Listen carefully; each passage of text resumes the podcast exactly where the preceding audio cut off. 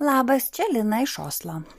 Šiandieną kalbame su Vaida Asisi iš Vienos. E, Vaida Asisi Austrijoje sertifikuota klinikinė ir sveikatos psichologė, jo specializacija - vaikų, jaunimo ir šeimos psichologija. E, Graco universitete jie apgynė daktaro disertaciją tema - ryšys tarp mažų vaikų, psichikos problemų ir tėvų ir vaikų santykių. Šiuo metu Vaida dirba Vienoje, autizmo terapijos centre ir yra tokia pati emigrantė kaip ir aš. Kviečiu klausytis. Labą dieną, Vaida. Labai ačiū, kad e, sutikote su manim pasikalbėti. Labą dieną, Lina. Labai ačiū už kvietimą ir domėjimąsi, susidomėjimą. Susidomėjau tikrai labai stipriai, nes man atrodo, kad jūs tyrėte ir tyrinėjate ir apie ką aš straipsnį jūsų skaičiau labai įdomias temas ir labai aktualias daugeliui tėvų, kurie augina mažus vaikus. E, Jūs kalbate apie kūdikių psichoterapiją. Tai man skamba visiškai neįtikėtinai, kad galima psichoterapiją pritaikyti ir kūdikiams. Tai yra visiškai toks dar labai labai mažai girdėtas dalykas Mhm. iš tikrųjų. Tai aš labai, labai susidomėjau. Mm, Taip. Tai iš vienos pusės tai dar labai nauja, o iš kitos pusės visgi tai patirtis jau yra šitoj srity jau kokių mažiausiai 20 metų. Tai Mm. Tai nebėra visiškai naujas dalykas. Mm, Va, ką reiškia psichoterapija kūdikiui? Tai gal patikslinčiau, kad tai nėra, gali būti ir vien kūdikiui. Aš paaiškinsiu uh, truputėlį nuosekliau. Tai visgi yra tera, psichoterapija, terapija, konsultavimas, psichologinė pagalba, kaip mes ją pavadinsim. Tai yra santykiai. Kūdikio ir jį prižiūrinčio asmens. Dažniausiai tai būna mama, tėtis, na, galbūt kitas koks globojantis asmuo. Ir tai yra tokia, toks naujas klientas psichoterapijoje ar, ar pacientas. Tai yra santykis. Santykis tarp dviejų, jų labai artimais ryšiais susijusių žmonių. Ir šitam santykiui įtaką daro kiekvienas iš tų dalyvių, santykio sąveikų dalyvių, tiek kūdikis, tiek mama, tiek tėtis. Kūdikis lygiai taip pat savo individualiom įgimtom savybėm daro įtaką santykiui, santykio kūrimui, užmėsgimui, palaikymui. Tas savybės galbūt aš kažkaip suminėsiu gal labiau vėliau, bet tai, tai toks pirmasis yra tai būtent ir visa išvaizda. Ir taip, pavadinkim, kūdikio temperamentas, kaip greitai jis reaguoja, kaip ilgai jis reaguoja į kažkokį stimulą ar Mhm. dirgiklį, kaip gali greitai nusiraminti. Tai va tai lygiai taip pat jis įneša savo dalį į santykio kūrimą. Na, o tėvai, mama ar tėtis ar kažkoks kitas asmuo savo gebėjimais atliepti į kūdikio poreikius. Reiškia, tokiu būdu jie savo dalį įneša į santyki. Čia galbūt irgi truputėlį galėsim papildyti, Mhm. mm, bet kas labai labai labai svarbu pabrėžti, kad jeigu kalbam apie tai, kad abi pusės, kūdikis ir suaugęs, įneša į santykio kūrimą vienodą dalį. Tai Mhm. santykio kūrimas visas priklauso nuo suaugusiojo. Reiškia, suaugusiam tenka atsakomybė. Tas santykis yra labai asimetriškas. Mhm. Kūdikis yra toks, koks yra. Jo sugebėjimas prisitaikyti prie aplinkos irgi yra įgimtas nuo aplinkos, o aplinka reiškia pirminis santykis, pirminiai asmenys. Čia yra atsakomybė tai vadinamai aplinkai, pirmiesiems asmenims. Kitaip tariant, kaip vystosi kūdikio prieraišumas, ar ne, nu, reaguojant į tuos veiksmus arba ta, tas reakcijas, kurias jisai patiria iš savo mamos Mhm. ir tėčio, ar ne? Pirmiausia, prieraišumas, visas santykis, koks jis bebūtų. Ir, ir visi santykiai tai yra bazė visiems tolesniems santykiam praktiškai. Mhm. Ir tai yra bazė ne tik tai va tam socialiniam santykiui, yra bazė mokymuisi. kognityviniai raidai. Iš esmės, bazė visam gyvenimui. Mhm. Tai, tai jo yra pati pirmoji, taip sakant, patirtis kūdikio kaip e, žmogaus socializacijos bendravimo su kitais žmonėmis. O kokie tada visgi, na, mes galime sakyti, kadangi jūs kalbate apie visiškai pirmus mėnesius, praktiškai mhm. pačią pačią pradžią ir, trup, ir mažus vaikus, bet net ir pačius pirmuosius mėnesius gyvenimo, tai reiškia, kad jau padėti reikia patiem patiem mažiausiems arba tėvams, kurie turi pačius mažiausius kūdikius. Taip. Taip? Taip. Labai dar įdomu. Um, tų tarnybų tinklas, kur um, stengiasi teikti, teikti pagalbą patiems mažiausiams, reiškia, mhm. kūdikiams, vaikams iki maždaug trijų metų. Pastangos negi nukreiptos į tai, padėti besilaukiantiems. Mhm nes dalis tokių sunkumų išryškėja jau neštumo laikotarpiu. Mm. Ir kas yra labai įdomu, kad pasirengimas priimti pagalbą iš mamos, iš tėčio pusės, mamos yra būtent tik tai gimus kūdikį. Reiškia, pagauti tą tokį subtilų momentą, todėl kad tai, reiškia, vyksta persiorganizavimas sakyčiau netgi asmenybės persiorganizavimas mamos labai stipriai, tėčio irgi, be abejo. Bet mama ieško būdų prisitaikyti prie savo kūdikio. Bet jeigu pamatoma iš anksto, kad mama turės sunkumų, pavyzdžiui, dėl ko? Mhm. Dėl kažkokių tai psichikos kimų patirmamos, depresija ar, mhm. ar kitos psichikos lygos, priklausomybė, labai jaunas mamos amžius. Tai va čia yra labai geros galimybės pagelbėti užmėgti su kūdikiu gerą santykį. Dar iš tai, kai kūdikis pradeda rodyti kažkokius tai sunkumus, simptomus mes jau vadinam. Tie simptomai tai gali būti tokiam ankstyvam amžiui. Mhm.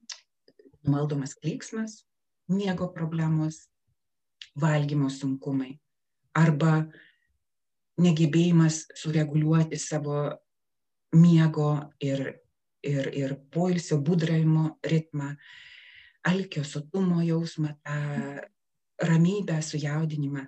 Tai va čia labai reikalinga žmogaus pagalba. Žodžiu, reikia pagauti mamą, e, galima sakyti, arba šeimą su kūdikiu dar realiai gimdymo namuose, ar ne? Arba kai neštumo metu, reiškia, kai jinai lankosi pas specialistus iki gimdymo, jau galima užčiuopti, kad galbūt tai mamai bus sunku, jinai galbūt neturi įgūdžių arba turi kažkokių sunkumų pati.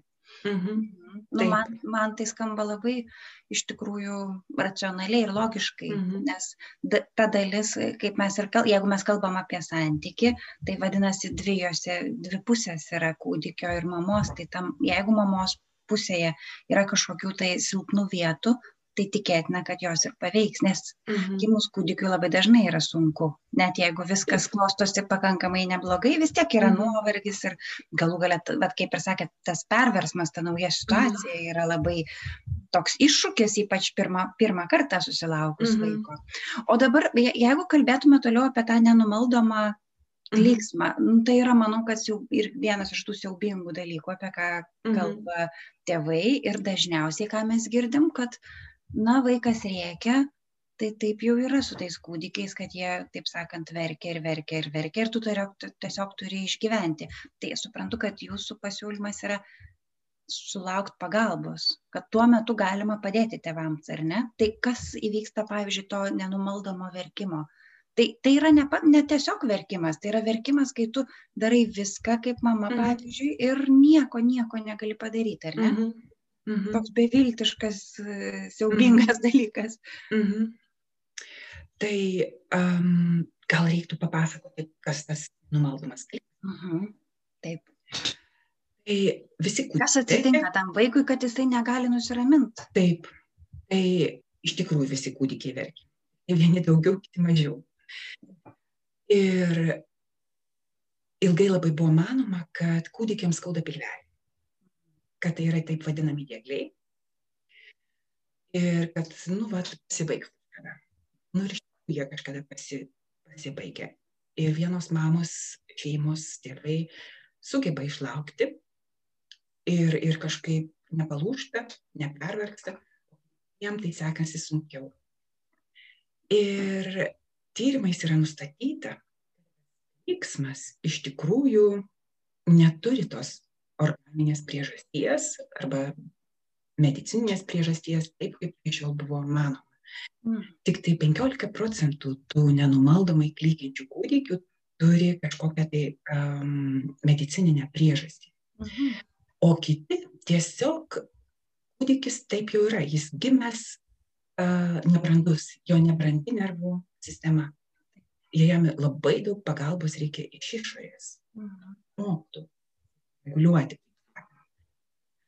tai vat vokiškai kalbančiose šalyse iki šiol ir buvo toksai terminas reguliacija problemos arba reguliacijos sunkumai reguliacijos sutrikimai mhm. apie tai ką aš ir kalbu mhm.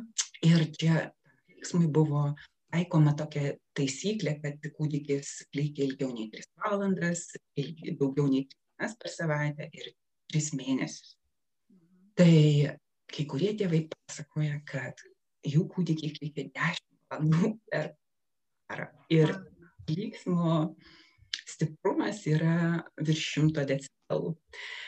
Tai iš tikrųjų ištverti yra labai sunku. Ir ko šitoje situacijoje reikia? Reikia ramybės. Pirmiausia, mamai, tėvam abiem.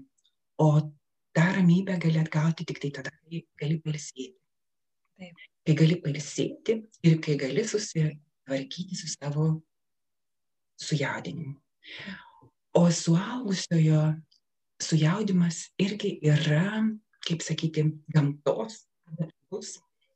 Kūdikio klyksmas provokuoja tokį stiprų sujaudinimą. Ir tai labai yra adaptyvu, reiškia, tai gamtos prisitaikymas būtent, reiškia, tuoj pat žiūrėti, kas tam vaikui negerai. Bet um, kai mama ar tėtis kartu per daug susijaudina ir negali, reiškia, pasiekti savo ramybės būsenos, yra praktiškai vienareikšmiai. Negalės nuraminti ir savo kūdikio.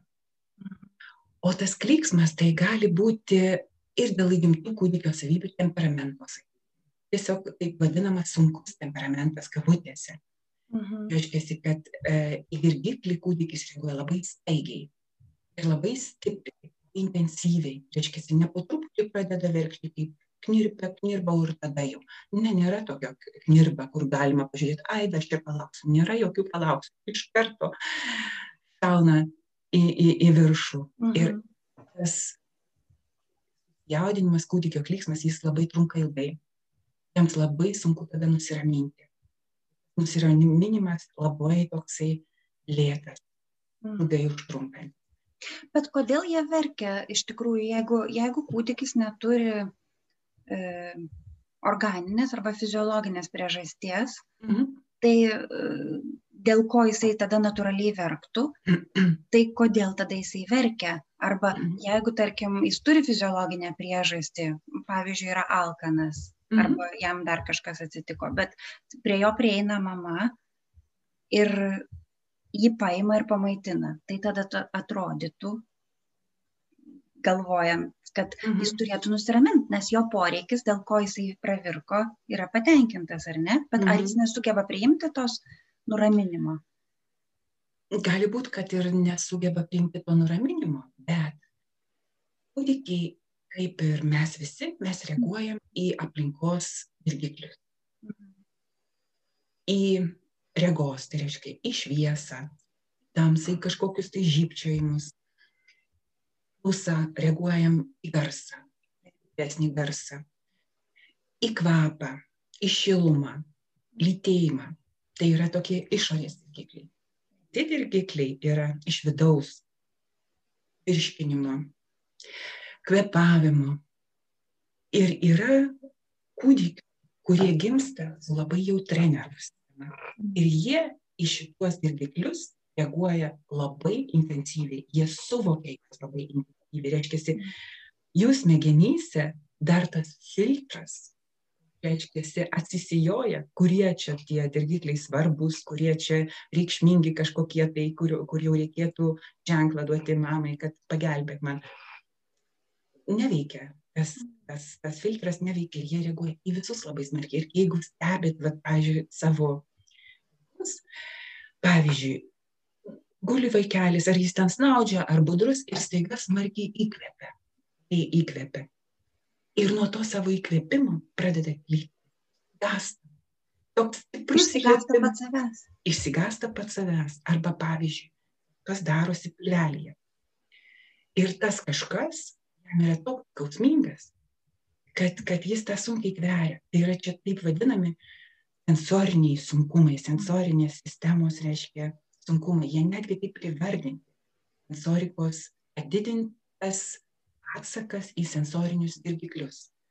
Bet viena iš tokių priežasčių, tokia tai aš nežinau, ar aš čia paminėjau, kad, pavyzdžiui, kūdikiai um, geria, ar, ar yra žindomi, ar maitinami iš patiliuko, nesvarbu.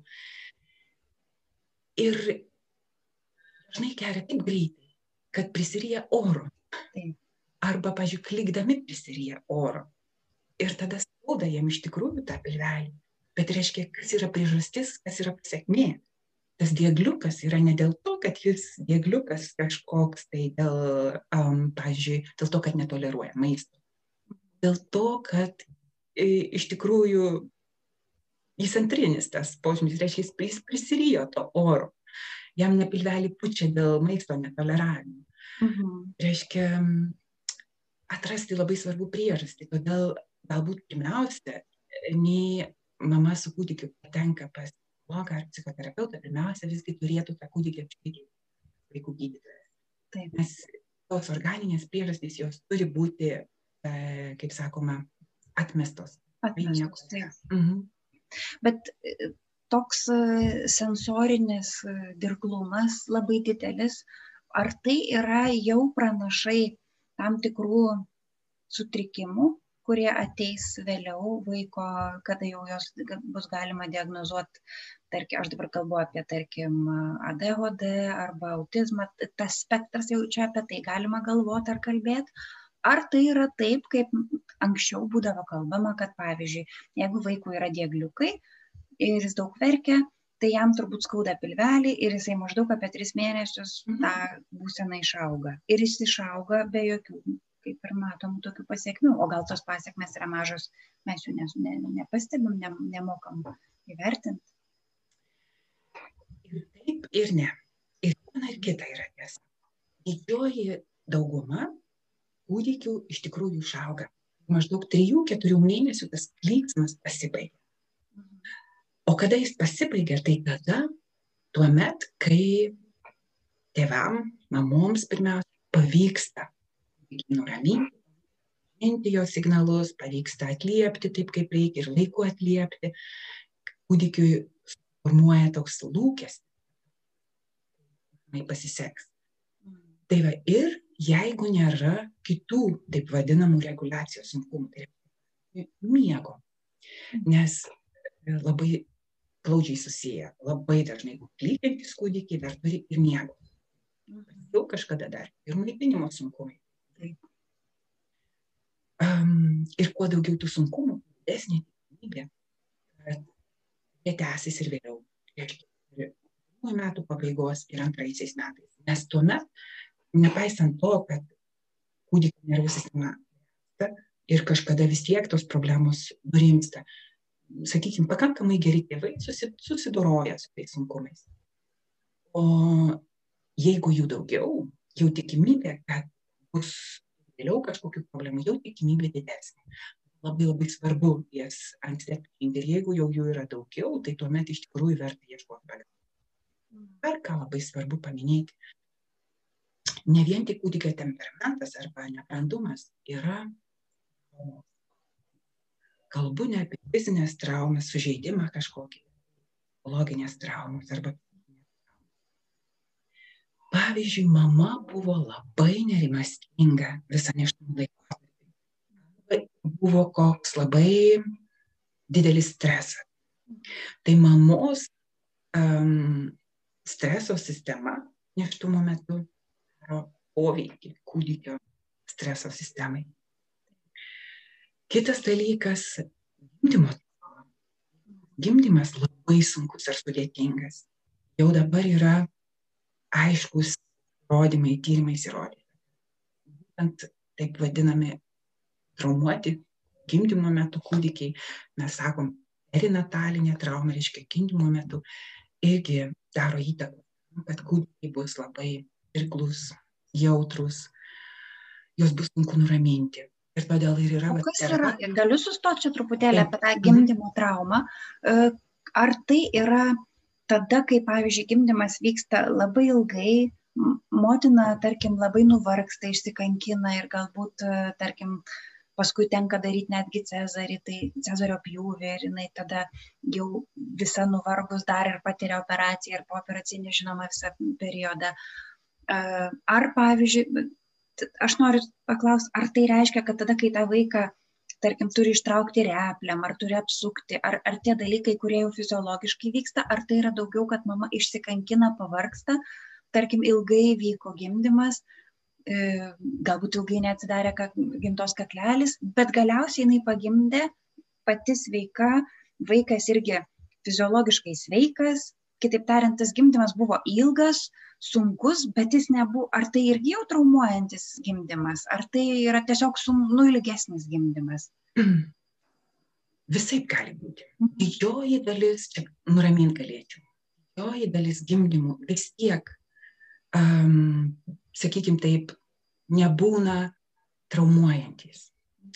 Bet atskirais atvejais, būjų tai, kaip minėjau, veikia motinos vat, streso sistema į mamos kraują, reiškia, išskiriame labai daug streso hormonų, kortizolio, reiškia, labai auga.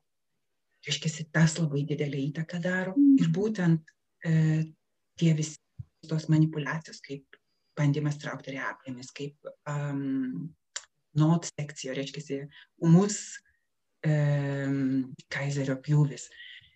Tas gali būti. Ir, ir tuomet priklauso, kaip pati mama po gimdymo, jinai pati žiūri į gimdymą, kaip jinai jį vertina. Čia, tas, vat, čia tokios yra subtilios ir glaudžios sąveikos, kad jų atskirti praktiškai neįmanoma. Mhm. Um, turbūt žinoma, vat, irgi, kad uh, yra tas po gimdymo būna tas jautrus periodas, jis vadinamas baby blues. Um, jis depresija?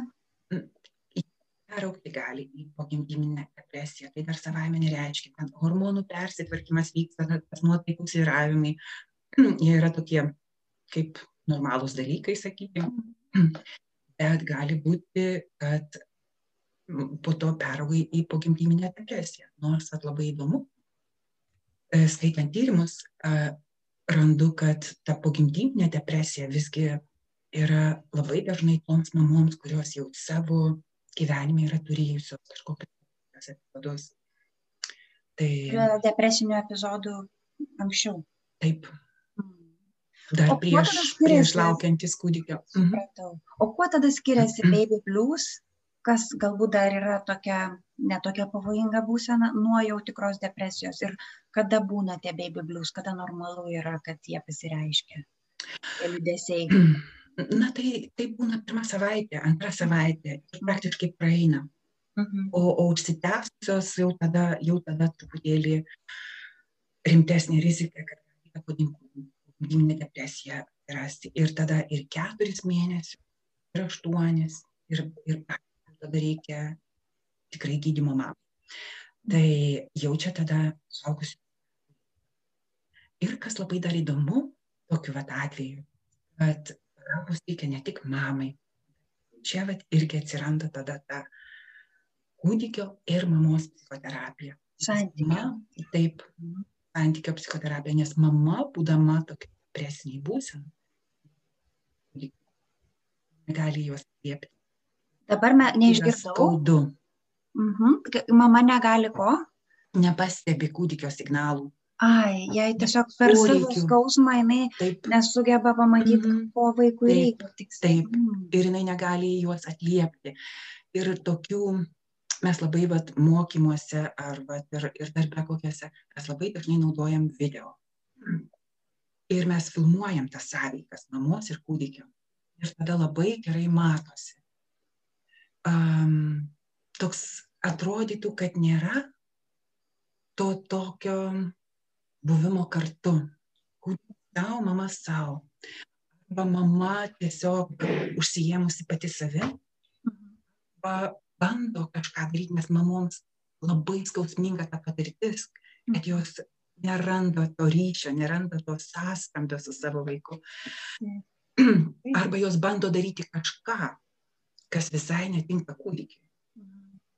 Ir, ir tas labai labai aiškiai matosi. Ir va tokių filmuotos tos medžiagos pagalba, žiūrint kartu su mamom, labai atsargiai galima pagelbėti mamom, pamatyti tuos kūdikio signalus. Bet čia sąlyga yra ta, kad mama yra prižiūrima suaugusių psichiatrų.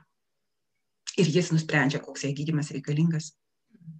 O kaip tada atrodo toks, tokia pagalba, jeigu matosi, kad vaikas išgyvena vieną iš tų sutrikimų, ar su miegu, ar su valgymu, ar su nenumaldomu verkimu, ir mama nesusitvarko ir jinai sutinka gauti pagalbą, tai kaip tuomet atrodo ta pagalba, kaip, kaip, kaip jai padėti, kaip, kaip jūs padedat?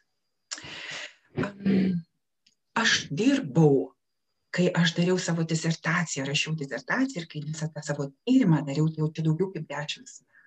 Mhm. Nu taip, dešimt maždaug tai aš Gracija vaikų psichosomatikos skyriuje dirbau, tai aš turėjau tokius, vat, sakykime, jaunus pacientus, mažylius visai. Dabar jau mano klientai jau yra truputėlį vyresni. Mhm. Aš jau truputėlį vat, atitrūkau nuo to laiko, bet vat, tokius mokymus dar atsitiktinai kartais um, vienas kitas ateina, uh, viena kita šeima Bet, Bet tuomet tai buvo. Tai mhm. buvo mažiukai vaik, visiškai -hmm. kūdikiai ir mama yra, taip sakant, distrese, jau jinai mm -hmm. nebe, nebe, nebegali padėti savo ir, ir vaikui. Ką tada galima daryti, kaip tada jai padėti? Tai vienas iš idealiausių būdų, kad mama su kūdikiu patenka į stacionarą. Į ligoninę. Taip. Tai yra, jų per mažai, bet yra tokie mamos ir vaiko skyriai arba mamos ir vaiko klinikos. Mhm. Ir tuomet mama gauna gydimą toks, koks jai reikalingas, reiškia, suaugusių psichiatro pagalba. Ir tuomet su tuo santykiu mamos ir kūdikio dirba tas specialistas, kuris tą sritį išmano. Tai gali būti psichologas, gali būti mm, gydytojas, psichiatras, psichoterapeutas, nu čia priklauso nuo, nuo specialistų esančių toje klinikoje. Taip. Tai va, pirmiausias toksai yra ir svarbiausias momentas, tiek su klykiančiais kūdikiais, su kūdikiais, kurie turi miego sunkumų. Mhm. Pirmų pirmiausia sąlyga - duoti mamai pailsėti. Išsimiegoti. Taip, tai va tas pats pats pirmiausias dalykas, nes jau vien nuovargis provokuoja sakykime, depresijos simptomus. Bet ir mama dažniausiai labai lengvai priima tą pasiūlymą. Kodėl? Todėl, kad tuo metu kūdikiu pasirūpina vaikų uh, slaugytės, vaikų seselės. Ir jos tą daro, aš prisimenu iš Graco, nuostabiai. Kitaip tariant, mama atvyksta į tą stacionarą, jinai mato tas slaugutes, jinai mato, mhm. kaip jos elgesi su vaikais ir mhm. matyt, jos širdis nurimsta, kad tai jinai suvokia, kad jos vaikui mhm. tikrai nieko blogo negrėsi. Nes aš galvoju, kad čia vienas toks, nu, gan stiprus barjeras yra atsiskirti nuo to vaiko, palikti svetimam žmogui, ne mamai savo, ne vyrui. Mm -hmm o kažkam, ko tu nepažįsti ir dabar mm. užmigt ramiai. Ir aš galvoju, mm. čia yra iššūkis, tai turi, turi jos akis pamatyti tai, kad jinai mm. gali sakyti, okei, okay, tas vaikas pabus mm -hmm. be manęs ir aš žinau, kad jam nebus tikrai blogai, ar ne? Tai tas Taip. pats pirmas saugumo kažkoks. Saugumas ir pasitikėjimas. Mhm. Pasitikėjimas, kad nieko blogo kūdikiu nenutiks, anaip tol. Ir toks dažnas, aš prisimenu tą tokį pasakymą, gerai, na vat, išsimiegokit, o rytoj pakalbėsim. Čia maždaug kaip ta lietuviška patarlė. Rytas už vakarą protingesnis. Taip. Tai va, ir tada kitą dieną jau gali kalbėti. Kalbėti gali apie tai, kas neramina, kodėl neramina. Va, tai uh, tokia pati, kaip sakyti, pati, pati pirmoji pagalba. Ir aš sakyčiau, atveju ideali. Bet ne visais atvejais reikia to kartais tos bėdos, tie, tos problemos studijais dar nėra tokios didelės. Tuomet gali būti taip vadinamas dienos stacionaras vien arba ambulatoriškai kartą per, per savaitę. Dabar susipažinau netaip seniai su labai labai įdomia tokia pagalbos sistema, jinai vadinosi, vadinasi pirmoji emocinė pagalba. Tai yra toks vokiečių psichologas, mhm. psichoterapeutas, reiškia, kaip pagelbėti tiem klykiantiem, nemiegantiems kūdikiams. Būtent, būtent traumuotiem. Nes čia vat, jo labai ir knygelė išleista labai gražiai yra. Um, tai būtent kaip pagelbėti, ištverti ir išmokti ištverti tėvam, ne patiems savo taip fiziologinę sistemą ne reiškia, ne, kad neapsemtų visų Nepaskesti tam, tose taip, emocijose visos ir sunkumose. Taip, kad neapsemtų iki, iki, iki paties viršaus. Tai būtent kaip elgtis su mama, kaip pamokyti, paaiškinti tėčiui, kaip jis gali pagelbėti mamai. Ir tas viskas vyksta su labai daug kūno terapijos elementų. Kaip kūniškai būti kartu, kai kūdikis klykia. Yra lengva. Tas nėra lengva, nes net ir, e, tarkim, specialistui irgi tavo tema kyla iki čia, nes tu esi irgi sujaudinamas nuo to stipraus klyksmo vaiko verksmas veikia Alarmas. visiškai, visiškai išmušančiai. Tai aš manau, kiekviena mama ir tėtis tą pasakys. Ir mhm. netgi, kai jisai verkia ten ne 10 valandų, bet mhm. jis pradeda verkti stipriai, tai viskas įsijungia, visas kūnas įsijungia, bėga žiūrėti. Ir mhm. aš, aš netgi atsimenu, tiesą pasakius, kad pirmą kartą atsiskyrus nuo vaiko, kai aš ilgesnį laiką jį palikau ir važiavau mašina, aš atsimenu, kad mano ausyse skambėjo jo verksmas. Mm. Tiesiog fiziškai aš negalėjau atsikratyti to jausmo, kad mano vaikas verkia, nors mm -hmm. aš paskambinu, paklausiu ir aš žinau, kad jis neverkia, bet mm -hmm. mano ausyse tas verksmas skambėjo. Tai čia yra -hmm. toks, aš galvoju, kad e, vienas iš turbūt stipriausių dirgiklių, su kuriais susidorot, turbūt, ar įmanoma nusiraminti, vat laikant, e, supant tą verkiantį kūdikį. Ar tik tai yra patarimas galbūt išeiti į kitą kambarį, ar pasivaikščiot, kur tu negirdi ir truputėlį duotam ausim palisėti. Ir viena, ir kita. Todėl, kad uh, labai labai svarbi pagalba yra jaunom šeimom. Kas mūsų kultūrose, vakarietiškose kultūrose dabar visgi įvyko, tai būtent kūdikis auginamas tik tai tėvų. Tom išimtim, kai tėvai, jauni tėvai turi pagalbą iš, e, tarkim, iš senelių, mučiutė, ar tetos, ar dar kažkas. Tai nėra labai gera idėja ir nelabai gera tokia, sakykime, sistema. Todėl, kad mamai pati, pati, pati geriausia pagalba yra tai duoti jai pilsėti, Ir būtent, kad su tuo kūdikiu pasiliktų kažkas kitas asmuo, kuriuo pati mama galėtų pasitikėti.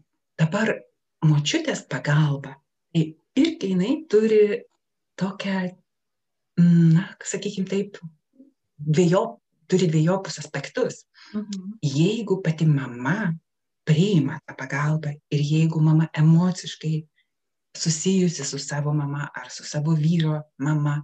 Mhm. Jis mato mamą kaip pagalbininkę. Jis tą pagalbą priims ir viskas bus gerai. Taip. Bet gali būti, kad ta močiutė yra konkuruojantis asmuo mamai. Ir tada mamai bus labai sunku, nes mama matys, aha, močiutė tai nuramina, o aš ne. Ir dar močiutė galbūt rodo, kaip jinai puikiai gali nuraminti. Tada jinai jaučiasi dar, dar menkavertiškesnė, kad aš tokia nevykėlė mama. Taip. Va, visi kiti gali net ne savo vaiką, o aš negaliu net savo vaiko nuraminti. Taip, ir va tas, va, um, tarkim, specialistui, dirbant va, su šeimom, su mažais vaikais, labai labai labai yra svarbus toks dalykas. Niekada nepult raminti kūdikio, matant tėvam. Mhm. Turi kažkaip tai sugebėti irgi susitvarkyti su savo, reiškia, stimulais vidiniais. Nes gali labai greitai pastatyti mamą į tokią situaciją, kai jai bus gėda, jautis kalta, o tau čia va iš karto paimė ir pavyko. Tai va toks va irgi labai subtilus momentas atskirti. Bet mes dažnai, e, aš dažnai pastebiu, kad nuraminti svetimą kūdikį tiesiog yra lengviau. Taip. Ar ne? Ir tai ne mhm. dėl to, kad esi toks genialus ramintojas, bet tiesiog taip yra.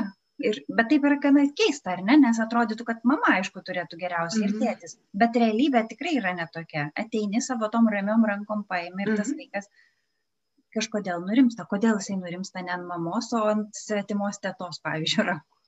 Arba tai mačiutės. Tai vad jūs iš karto ir labai gerai atsakėt. Eini tokiam ramiom rankom. tai nu, čia neišsitaškysi mama, kuri jau penktą valandą bando vaiką užmigdyti.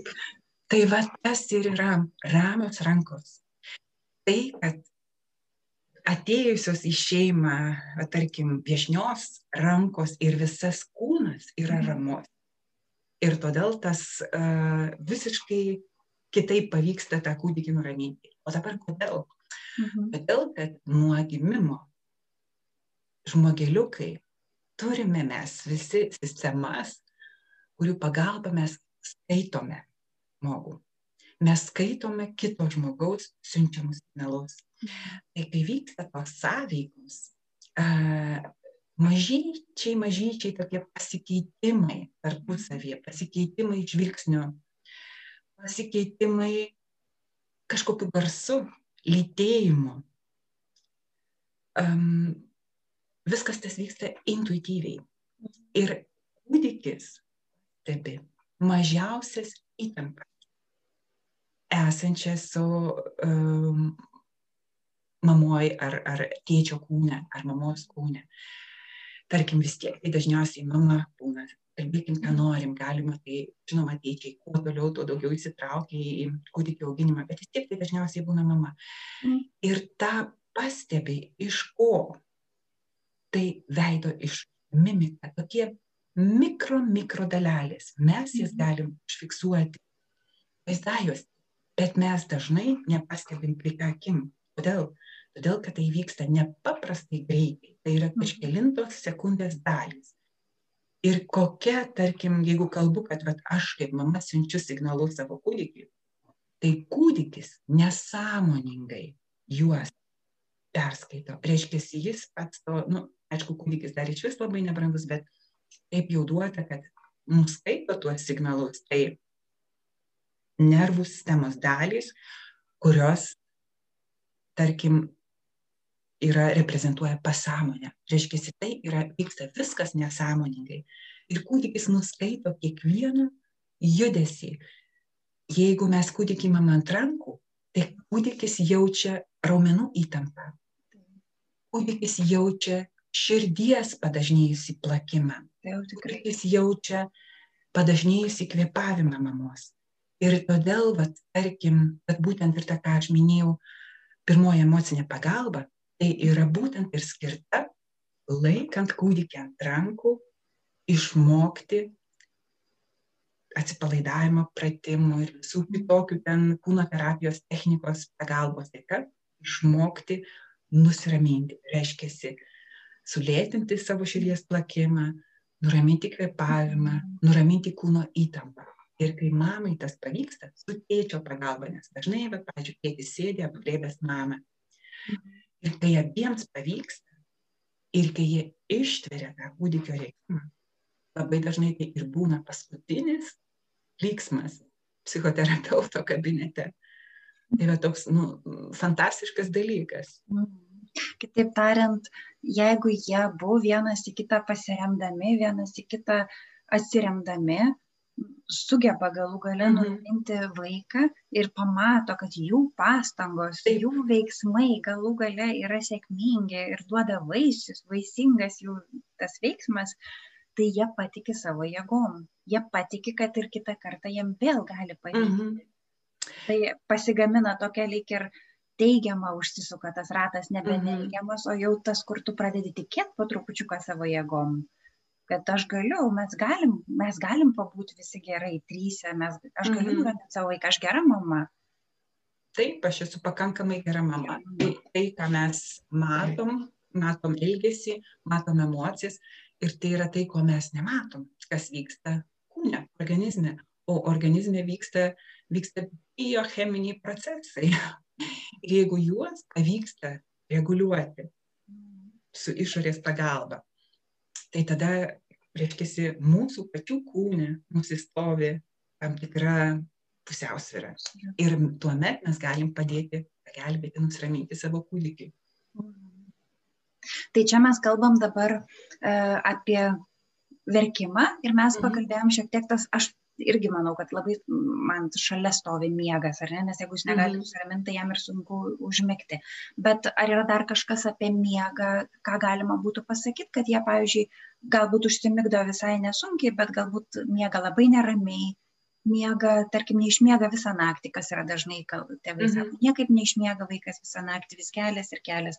Ir tada mamos miegas irgi pasidaro labai nekokybiškas, Mhm. daug, daug pertrūkių, ar ne? Ir tada vėl tas pats nuovargis užsisuka tas ratas. Mhm. Ar su miegu yra dar kažko, kažkaip, kaip mes galim padėti, arba psichoterapija mamai gali padėti? Mhm. Tas miegas toks yra labai labai įdomus dalykas. Tiek visai kūdikiams, kelių mėnesių kūdikiams, tiek jau truputėlį vyresniems vaikams. Čia labai įdomi tema ir labai priklausanti nuo kultūros. Tai va aš truputėlį gal vienas po kito paliesiu. Taip. Lūkestis, kad kūdikis turi išmiegoti, a, labai dažnai yra nepamatuotas. Mm. Ir kas labai dar įdomu, jeigu, pavyzdžiui, pažiūrim statistiką, miego sutrikimų. Tai kai kurių tyrimų duomenimis, reiškia, kai daromos apklausos tėvų, nurodoma, kad miego sutrikimų turi maždaug 40 procentų kūdikių. Kas galvoj pusė, nu kaip taip gali būti, tai tuomet jau nebėra sutrikimai. Tuomet vis Tai jau čia normalu? Tada? Tai jau čia tuomet normalu. Mm. Vat. Ir kas labai įdomu, kitą klausimą atsako tėvai, tokie, kurių vaikai neišmiega visą Mhm. naktį. Tai laiko normaliu dalyku. Nu, neišmiega. Tai vad būtent sugebėjimas tėvų prisitaikyti prie to ir suvokti, Mhm. kūdikiai negali išmiegoti visą naktį. Tai yra greičiau išimtis nei taisyklė. Kai mes to lūkesčio sakom, tuomet mums pasidaro geriau. Kitas dalykas, kas gali pagelbėti mamai, kad jinai išsimiegotų.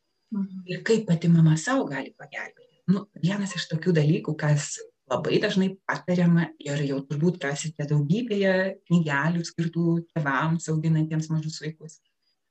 Irgi turėtų eiti gult dieną tada, kai kūdikis miega. Taip. Aš asmeniškai buvau mamų, kurios dieną negali užmigti. Aš irgi.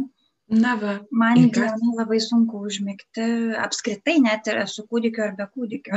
Turiu aš jau būti labai, arba Mhm. jaustis blogai, turiu sirgt, arba turiu, nežinau, antrą parą nemiegot, kad užmigti. Mhm. Jo, tai va, toks labai įdomus dalykas, kai, kai ateina tėvai su mažais vaikais ir dėl miego, tai va klausia, o kaip jūs miegat, kaip jūs užmiegat, kaip jūs užmiegat.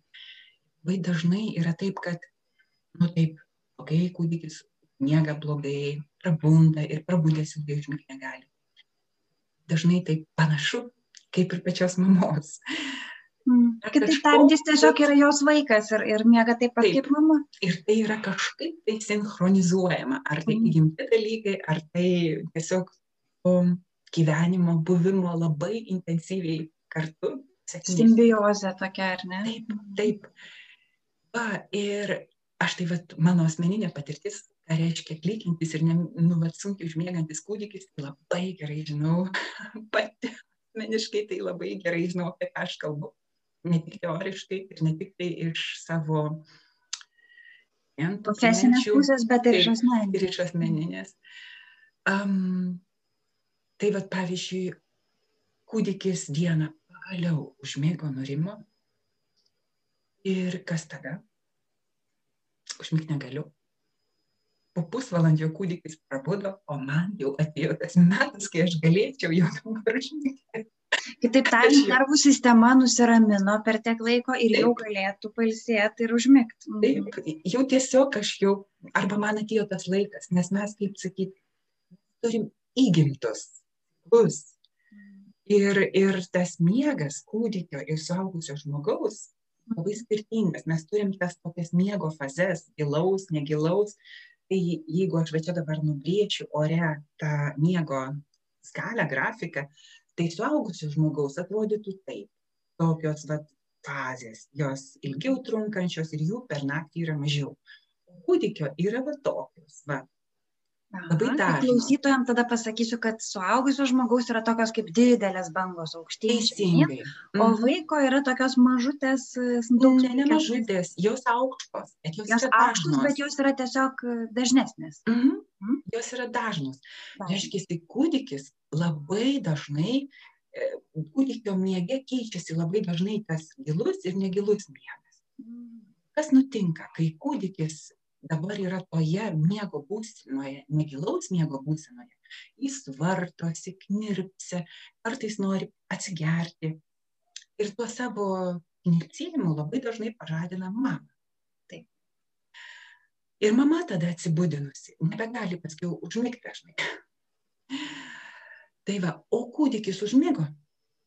Ir užmigo, ir giliai užmigo.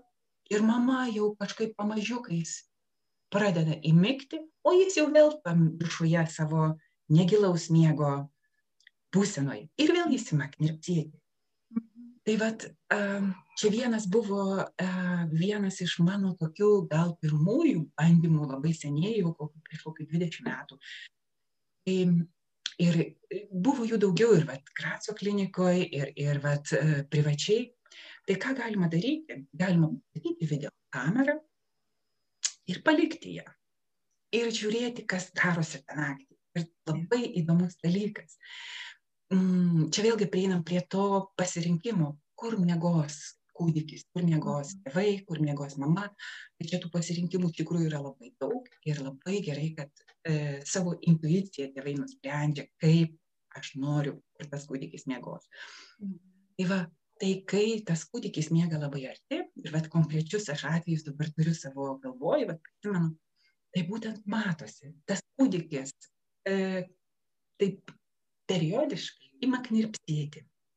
Ir netgi nereikia jam net ir gerti, kad jis tuo savo knirpsėjimu prižadina mamą. O ką daro mama? Jis sėdasi ir ima raminti kūdikį, galvodama, kad jis labai sunerimęs ir jinai jį taip prižadina, bet iš tikrųjų prižadina.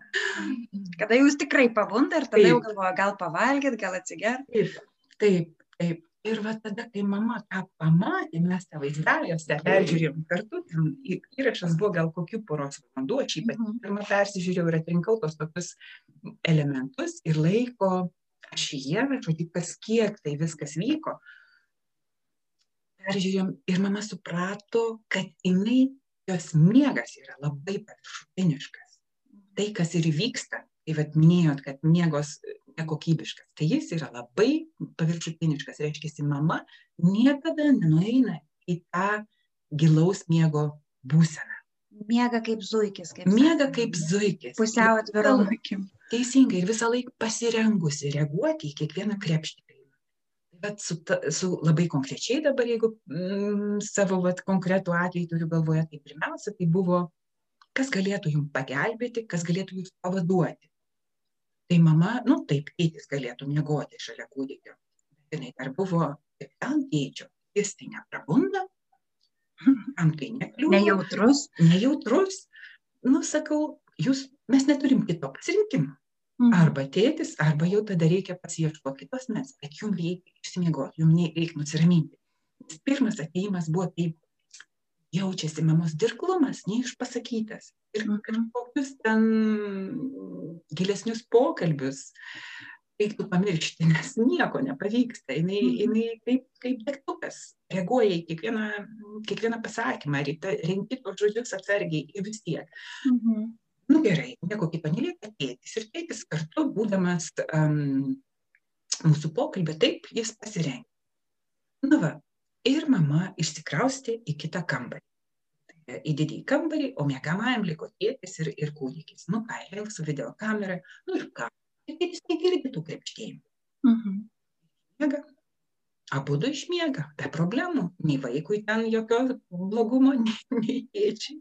Mhm. O mama, man atrodo, mes susitikome antrą kartą, jau dabar nelabai pamenu.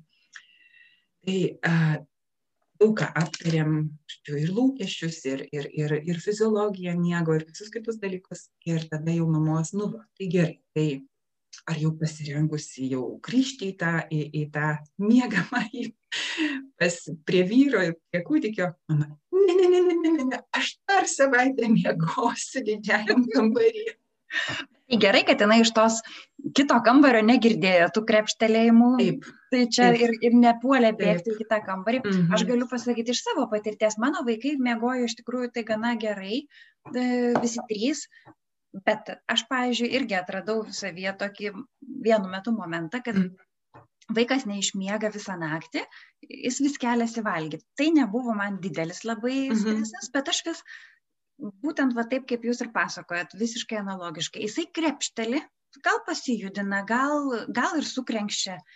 Aš tada atsibundu, pašoku, pasiimu jį, pamaitinu, jis nieko prieš, miegodamas, aš jį paimu švelniai, jis aišku kažkiek pažinda ir užmiega giliau, aš jį padedu atgal į lovytę ir irgi atsigulu miegoti. Ir taip įvyksta N kartų per naktį. Ir aš paskui sakau, bet tu jau devyni mėnesiai, dešimt, jūs jau turėtų išmiegoti naktį kažkaip. Sakau, nu, gyvi, abu du pirmi tai miegodavo. Ir paskui galvoju, o gal aš jeigu, pavyzdžiui, pabuščiau ir neimčiau jo iš karto nepulčiau, nes norisi, kad, nu, ir kiti vaikai mhm. nepabūstų, ir visi, jeigu jis jau įsiverks, galvoju, bet gal aš galiu truputį palaukti ir mhm. pažiūrėti, ar jis tikrai nori valgyti, ar galbūt mhm. nenori. Guliu klausau ir suprantu, ne, jisai pakrepždėjo, pakrepždėjo ir nužmigo, vėl mhm. nužmigo. Tada ir aš užmigau. Ir aš supratau per porą naktų, kad man visai nėra ko keltis. Mhm. Ir aš pradėjau mėgoti. Vat paskui. Nes aš supratau, kad aš pati išgirstu mhm. ir ar jis nori valgyti ar nenori, bet jis būna pamaitintas, mhm. pažindytas ir sugražintas į lovą.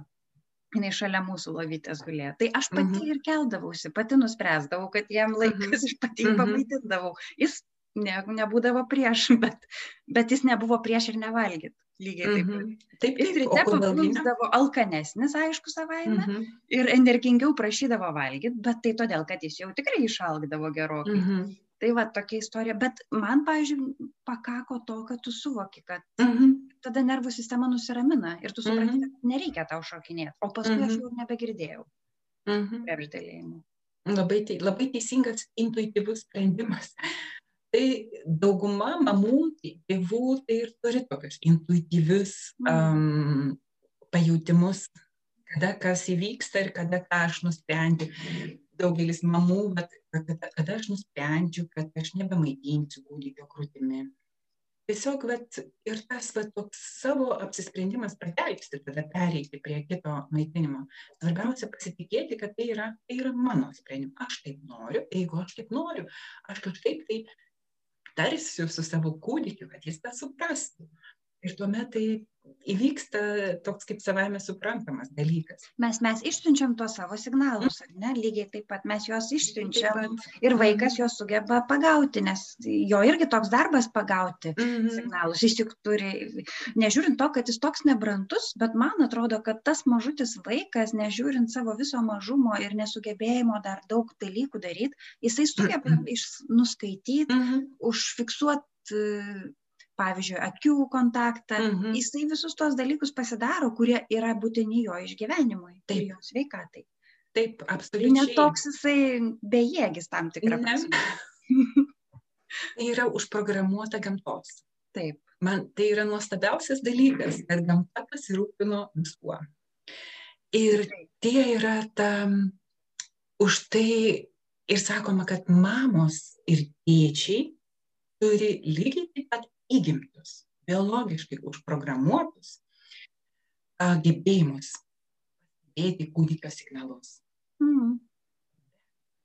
tą savybę, tą gebėjimą gali būti sutrukdę kokie nors įvykiai mamos uh, istorijoje, pavyzdžiui, traumos pačios mamos, psichologinės traumos patirtos, Mhm. nepriežiūra vaikystėje, Mm. Um, daugybė dalykų, psichikos lygos, labai jauna mama, kuri dar, kaip sakoma, nu, tie biologiniai signalai nepaleidžiami. Mhm. Tai, tai tas, va, iš tikrųjų, gamtos yra užprogramuota. Ir yra ženklai. Pavyzdžiui, kodėl suaugę žmonės, lygiai taip pat ir tėčiai, pasirodo, yra tyrimų, kurie gali nuo pat gimimo sugebėti lygiai taip pat gerai pasirūpinti kūdikiais kaip ir mamos, jeigu jie tai daro. Ir netgi Mhm. labai įdomu yra, ką rodo va tyrimai. Gimus kūdikiui gimdymo praėjus, nu, kažkokiam labai neilgam laikui, Mm. skiria taip vadinamas prieraišumo hormonas. Netgi hormonas toks yra. Taip, jis vadinamas prieraišumo hormonu oksitocinas. vadinasi. A, vat kaip Ir, ir oksitocinas. jis būtent skatina pieno išsiskyrimą. Taip. A, Sutrikdoma šiek tiek to oksitocino veikla yra, kai vyksta Cezario pjūvis. Mhm. Cezario pjūvis. Tai tada tas įsiskyrimas hormono vėluoja ir už tai mamom tas pienas vėliau pradeda išsiskirti. Mhm. Jo. Dar truputėlį yra prieš laiką gimusiems kūdikiams. Vėluoja ir vėluoja dažnai. Ir viena um, gydytoja, buvau paskaitoj, nu, labai įdomiai paaiškino, aš to dar nebuvau girdėjus, kodėl labai smarkiai vėluoja neišnešiotiems kūdikiams. Mhm. Todėl, kad evoliucijoje tie neišnešioti kūdikiai neišgyvenda. Taip. Ir tuomet, jeigu tas hormonas neišsiskiria, mamai netoks didelis skausmas atsiskirti nuo to kūdikio, kuris neišgyvena. Man tai buvo kažkoks labai labai labai įdomus vat, momentas. Kitaip tariant, gamta saugo mamą nuo didžiulės traumos. Nuo traumos. Jeigu jai teks atsisveikinti su Mhm. kūdikiu dėl to, kad jisai gamtos požiūrių gali neišgyventi, tai Mhm. ją tiesiog saugo nuo didžiulės kančios, kurią jinai tuoj pat patirs, jeigu tas hormonas trenks jai, taip sakant, visas. Mhm. Mm, bet tikrai. Tai va, ir tik tai tiek, kad vis tiek mes žmonės turim ne tik tai hormoninę mūsų elgesį reguliuojančią sistemą, bet turime ir um, sąmoningą reguliavimą, reiškia, mąstymų. Taip. Ir lygiai taip pat tos mamos, kurių vaikai gimė neišnešioti ir tėčiai lygiai taip pat puikiai nuo pat gimimo myli tą savo mažulytį kūdikį. Reiškia, e, ta meilė jinai nėra viens prie vieno priklausoma vien tik tai nuo hormonų. Mm. Ir dar kas, va, jeigu apie tą oksitociną, tai Mhm. kodėl, pavyzdžiui, tėčiai gali tuomet pasirūpinti, jie tai nemaitina, jie tai, jiem tai gimdymas, o taip logiškai svarstant, nepaleidžia to hormono. Bet pasirodo, prisilietimai, lytėjimai, nešiojimai, apsikabinimai, visą tai stimuliuoja oksitocino išsiskyrimą. O jeigu vyram irgi tada išsiskiria oksitocinas. Matuojama, kad jiem yra. Ir tai yra universalus dalykas. Mhm. Galim kalbėti apie suaugusius, galim kalbėti apie partnerius. Tai oksitocinas pačių intimiausių santykių metu jo yra išsiskyrimas.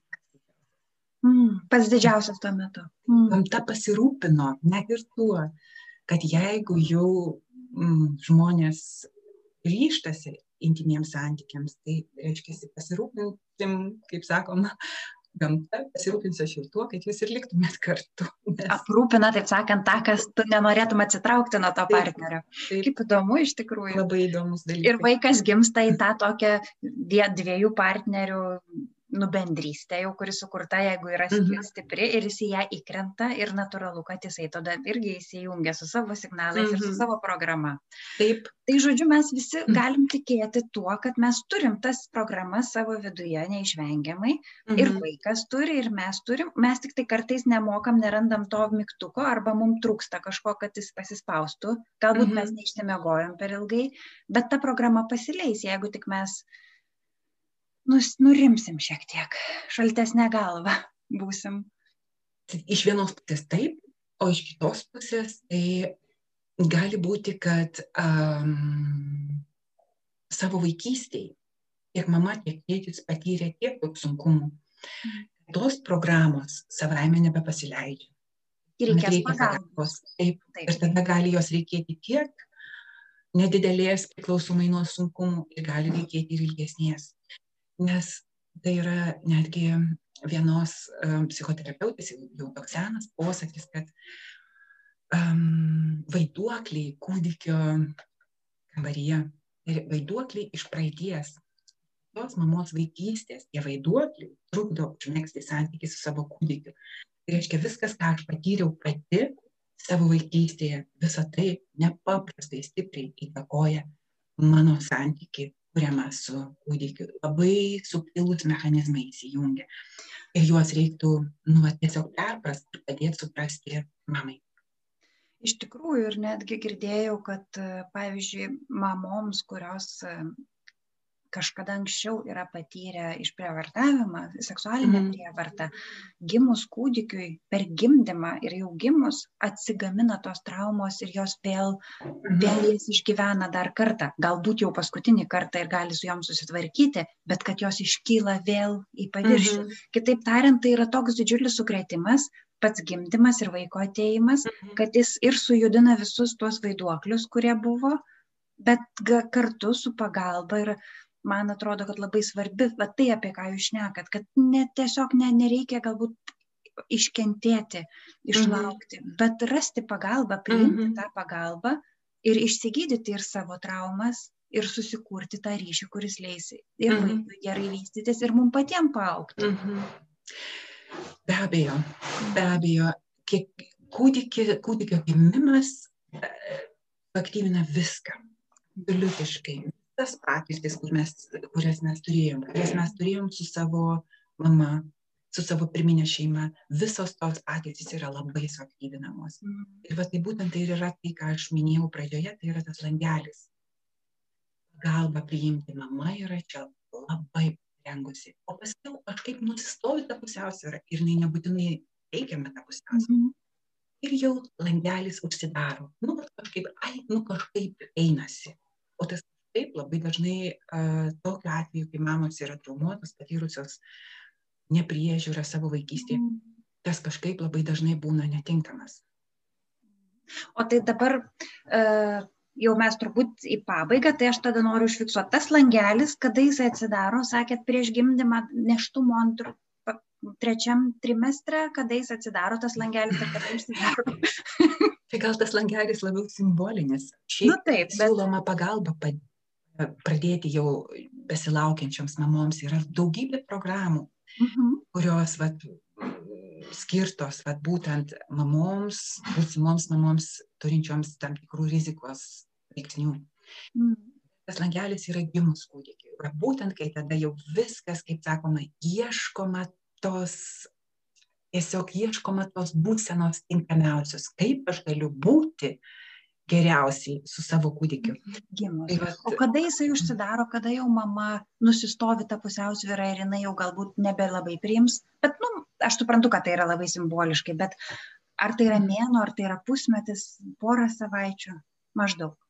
Įvairiai. Vien, vienos pasirengusios mato, kad nesiseka ir, pavyzdžiui, kad niekaip negaliu nuraminti tai galbūt jau tada gali, gali ieškoti pagalbos, nemiega, bet va, tas toksai dar labai priklauso ir nuo pačios aplinkos, ir nuo visokių tų draugių, nuo mamų, močiučių ir taip toliau. Ai, nu tai čia visi nemiega. Nu, va, kažkada išmoks. Nu, vat visi čia verkia. Ir tos situacijos nepatyręs asmuo ar ta kita mama, nežinodama, jinai net neįsivaizduoja, ką tai reiškia. Tai vat tas užsidarimas labai sunku priklauso pasakyti, labai priklauso nuo, nuo pačios mamos. Mhm. Kiek, vat, e, kiek vat jai dar svarbu kuo greičiau, kad kažkas pagelbėtų. Ir aš manau, kad čia vat, labai teisingai daro tose šalyse, kur yra dar tos, turbūt anksčiau buvo vadinamos patronuojančios medicinos seserys ar, ar a, akušerės, kurios ateina po to aplankyti gimusių kūdikių, tai čia labai daug ką galima. O kaip yra Austrijoje, vienoje, kur jūs gyvenat, ar ateina kas nors pas, pas pagimdžius? Nepateina? Norvegijoje dabar aišku yra kiti laikai, kai, kai nebevaikštoma, bet Norvegijoje tai visada ateidavo ta sesute, kuri prižiūri, nes čia priklausai sveikatos centrui ir kai jau ateina pranešimas, tu iš pradžių ten lankaisi tam centre kaip ne, nešioji, o po to jau, kai gimsta vaikutis, ateina žinia, tai tuoj pat ir prisistato ta sesutė, jinai ateina, pasižiūri, ko tu turi, atneša kažkokių ten dovanėlių tokių pradžiai, startui, bet jinai ir paklausia, kaip miegat, kaip žindot, kaip kur miegat, ar gerai, ar viskas tvarkoja, pažiūri, kaip ta mama atrodo ir jeigu jai atsiranda kažkokių signalų, tai jin tada gali įjungti irgi pagalbos sistemas. Ir viena mhm. iš tokių programų yra jaunoms mamoms arba jaunoms šeimoms ir šeimoms, kurios turi tokį nedidelį tą socialinį vadinamą tinklą, kur mhm. jaučiasi, kad jie galbūt yra truputį vieniši vieni, tai irgi įsijungia programa, kuriem daug daugiau pagalbos negu būtų paprastai šeimai. Tai turbūt ir Austrijoje kažkas veikia, to, tokios, kaip jūs sakot, net yra stacionarai šeimai, mamai ir vaikui. Labai norėtųsi, kad viskas būtų taip gražu, Ir kai patenki, bet, pavyzdžiui, ir dirbti, kai patenki į tokią įstaigą, tai tada fantastiška būna, labai, labai būna gerai ir dirbti. Mhm. Bet dėja, Austrija yra labai konservatyvi šalis ir visos naujienos nasi mhm. be galo lietai. Ir tų tokių lankančių um, sesučių. slaugytojų, sesučių ar akušerių jų nėra. Mhm. Nėra sistemos tokios. Dabar yra toksai tinklas ankstyvos pagalbos, Frühe Hilfen vadinasi, jos vat, pirmiausia atėjo iš Vokietijos, ten jau jis yra didesnis ir pamažu skinasi kelią ir Austrijoje. Tas lankymas, ypač jeigu tai lanko visus pirmosius metus, aš matau tokią prasme, ypač jeigu yra labai gerai parengtos specialistės, tai aš manau, kad yra nu, neįkainojama vertybė. Anksčiau, nes turim labai daug galimybių bet kokias problemas išspręsti tai visai pabaigai tada vaida pakartokite dar kartą kas yra autorius tos knygos kur jūs minėjote pirmoji emocinė pagalba kur kur galim tėvai aš suprantu mhm. trupučiuką gal gaut e, patarimų gerų tai yra vokiškas e, vokiška knyga andrėjas harms emocionalė erste hilfe vadinasi Labai daug ką galima rasti ir labai daug galima paprasčiausiai su savo akušeriam pasikalbėti. Tiesiog jos galėtų daug ką pagelbėti, nes labai daug yra gerai paruoštų. Galbūt net mhm. nieko specialaus nereikia. Čia, galbūt tai psichologo nereikia, gal psichoterapeuto nereikia. Čia tiesiog pradėti nuo pačių paprasčiausių dalykų ir mhm. visgi galvoti apie tai, nu, va, kas yra su manim, ar aš turiu kažkokių sunkių patirčių ir ar man verta kreiptis, ieškoti kažkur tos pagalbos. Uh, gilesnės, ir, mhm. nes tai užima ir laiko. Darbui su savim reikia tokios energijos. Ir iš tikrųjų, mm, jo, ir, ir iš tikrųjų, pavyzdžiui, mes kai dirbam su ta vadinama ankstyvoji pagalba, kaip pirmieji metai, mhm. taikoma yra, kad kuo greičiau pasiektum gerą rezultatą. Kuo greičiau. Mhm. Kuo mažiau konsultacijų, nes nėra ko laukti turi pasikeisti situacija tuoj pat. Ir tas va tokių pačių mamos traumuojančių įvykių, reiškia, analizė, jos pačios vaikystės analizė, užima daug laiko. Ir tai atidedama truputėlį vėlesniam laikui, nes mamos dėmesys yra vis tiek pirmiausia kūdikiu. Iš pradžių išspręsti mm. tas problemas, su kuriuom jinai susidoroja, mm tuo pačiu jeigu jinai susidoros ir užmegs gerą ryšį su vaiku jausis patenkinta mhm. su kaip mama tai jai labai daug duos naujos energijos ir labai daug gerų patyrimų ir gerų emocijų, mm. kurių visiems reikia. be abejo. Aš manau, kad kūdikio gimimas perstruktūruoja visą asmenybę, perstruktūruoja tiesiog mm, smegenų sistemas. Tai yra didžiulis, didžiulis įvykis. Ir ką labai dar, va, irgi norėčiau jau, jeigu pabaigai pasakyti, aha, ieškokit pagalbos. Man labai skaudu, kad Lietuvoje tos pagalbos yra per mažai. Bet jeigu tik įmanoma, jos reikia ieškoti. Jeigu pateko pas kažką, pas specialistą, nesvarbu kokios ryties, tai jum emociškai kažkaip nėra su tuo žmogum malonu, mm. tai nereiškia, kad pagalba nėra galima. Kokit kito. Tiesiog tas ryšys, ryšys gydo, santykis gydo. Mm. Tai ieškokit tada kito žmogaus, kuris... Surasti tą, kuris gali suprasti, išklausyti ir tada jau gali ir padėti. Taip, kad įvyktų tas rezonansas, jungtis, tokia sąskambintis tarp jūsų ir to žmogaus, kuris pasirengęs jums suteikti pagalbą. Nes turi, turi harmonuoti, turi dėrėti. Būna, kad netitinka, suderinamumo to nėra. E, yra visokių teorijų ir tą vat irgi konsultuojant labai užkabinam ir tą, kad, nu, vat, mama nuo vaiko skiriasi savo temperamentu. Taip ir, ir tada tas lūkestis kūdikiui yra visiškai kitoks. Ir aš lūkė, ką su juo daryti, mes automatiškai tuos lūkesčius turime. Tai va čia, va, ką daryti, kai yra to suderinamumo per mažai. Nes suprantu, kad dar visa didžiulė tema, kurią galima būtų aptarti. Labai daug temų. Bet bet kokiu atveju patarimas yra ieškoti pagalbos, nepasak, mm. nesakyti, kad viskas išsispręs, viskas vis tiek visiems verkia tie vaikai, o rasti mm. savo pagalbą, padėti savo ir padėti vaikui. Taip. Nenuleisti. Būtinai.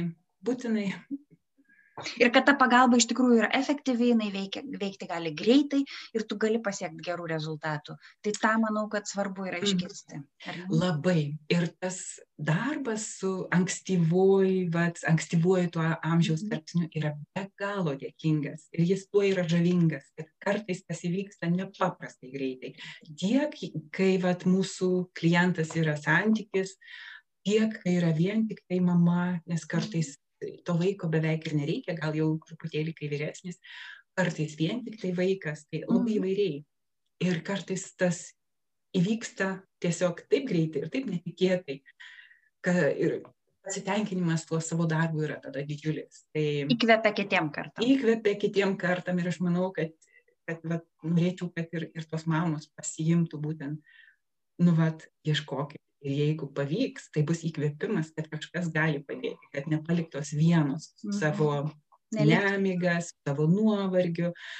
Ir taip tikrai neturėtų būti kad paliekamos vienos. Čia norėtųsi visom mamom palinkėti visom šeimom palinkėti ir būtent sakyčiau valstybei palinkėti kad tokią pagalbos sistemą sukurtų. Sukurtų jaunam žmonėm. Mm -hmm. Aš irgi labai prisidedu prie tokių linkėjimų ir tikiuosi, kad atsiras ta sistema vis stipresnė jaunom šeimom. Tai ačiū Jums. Ačiū, Lina.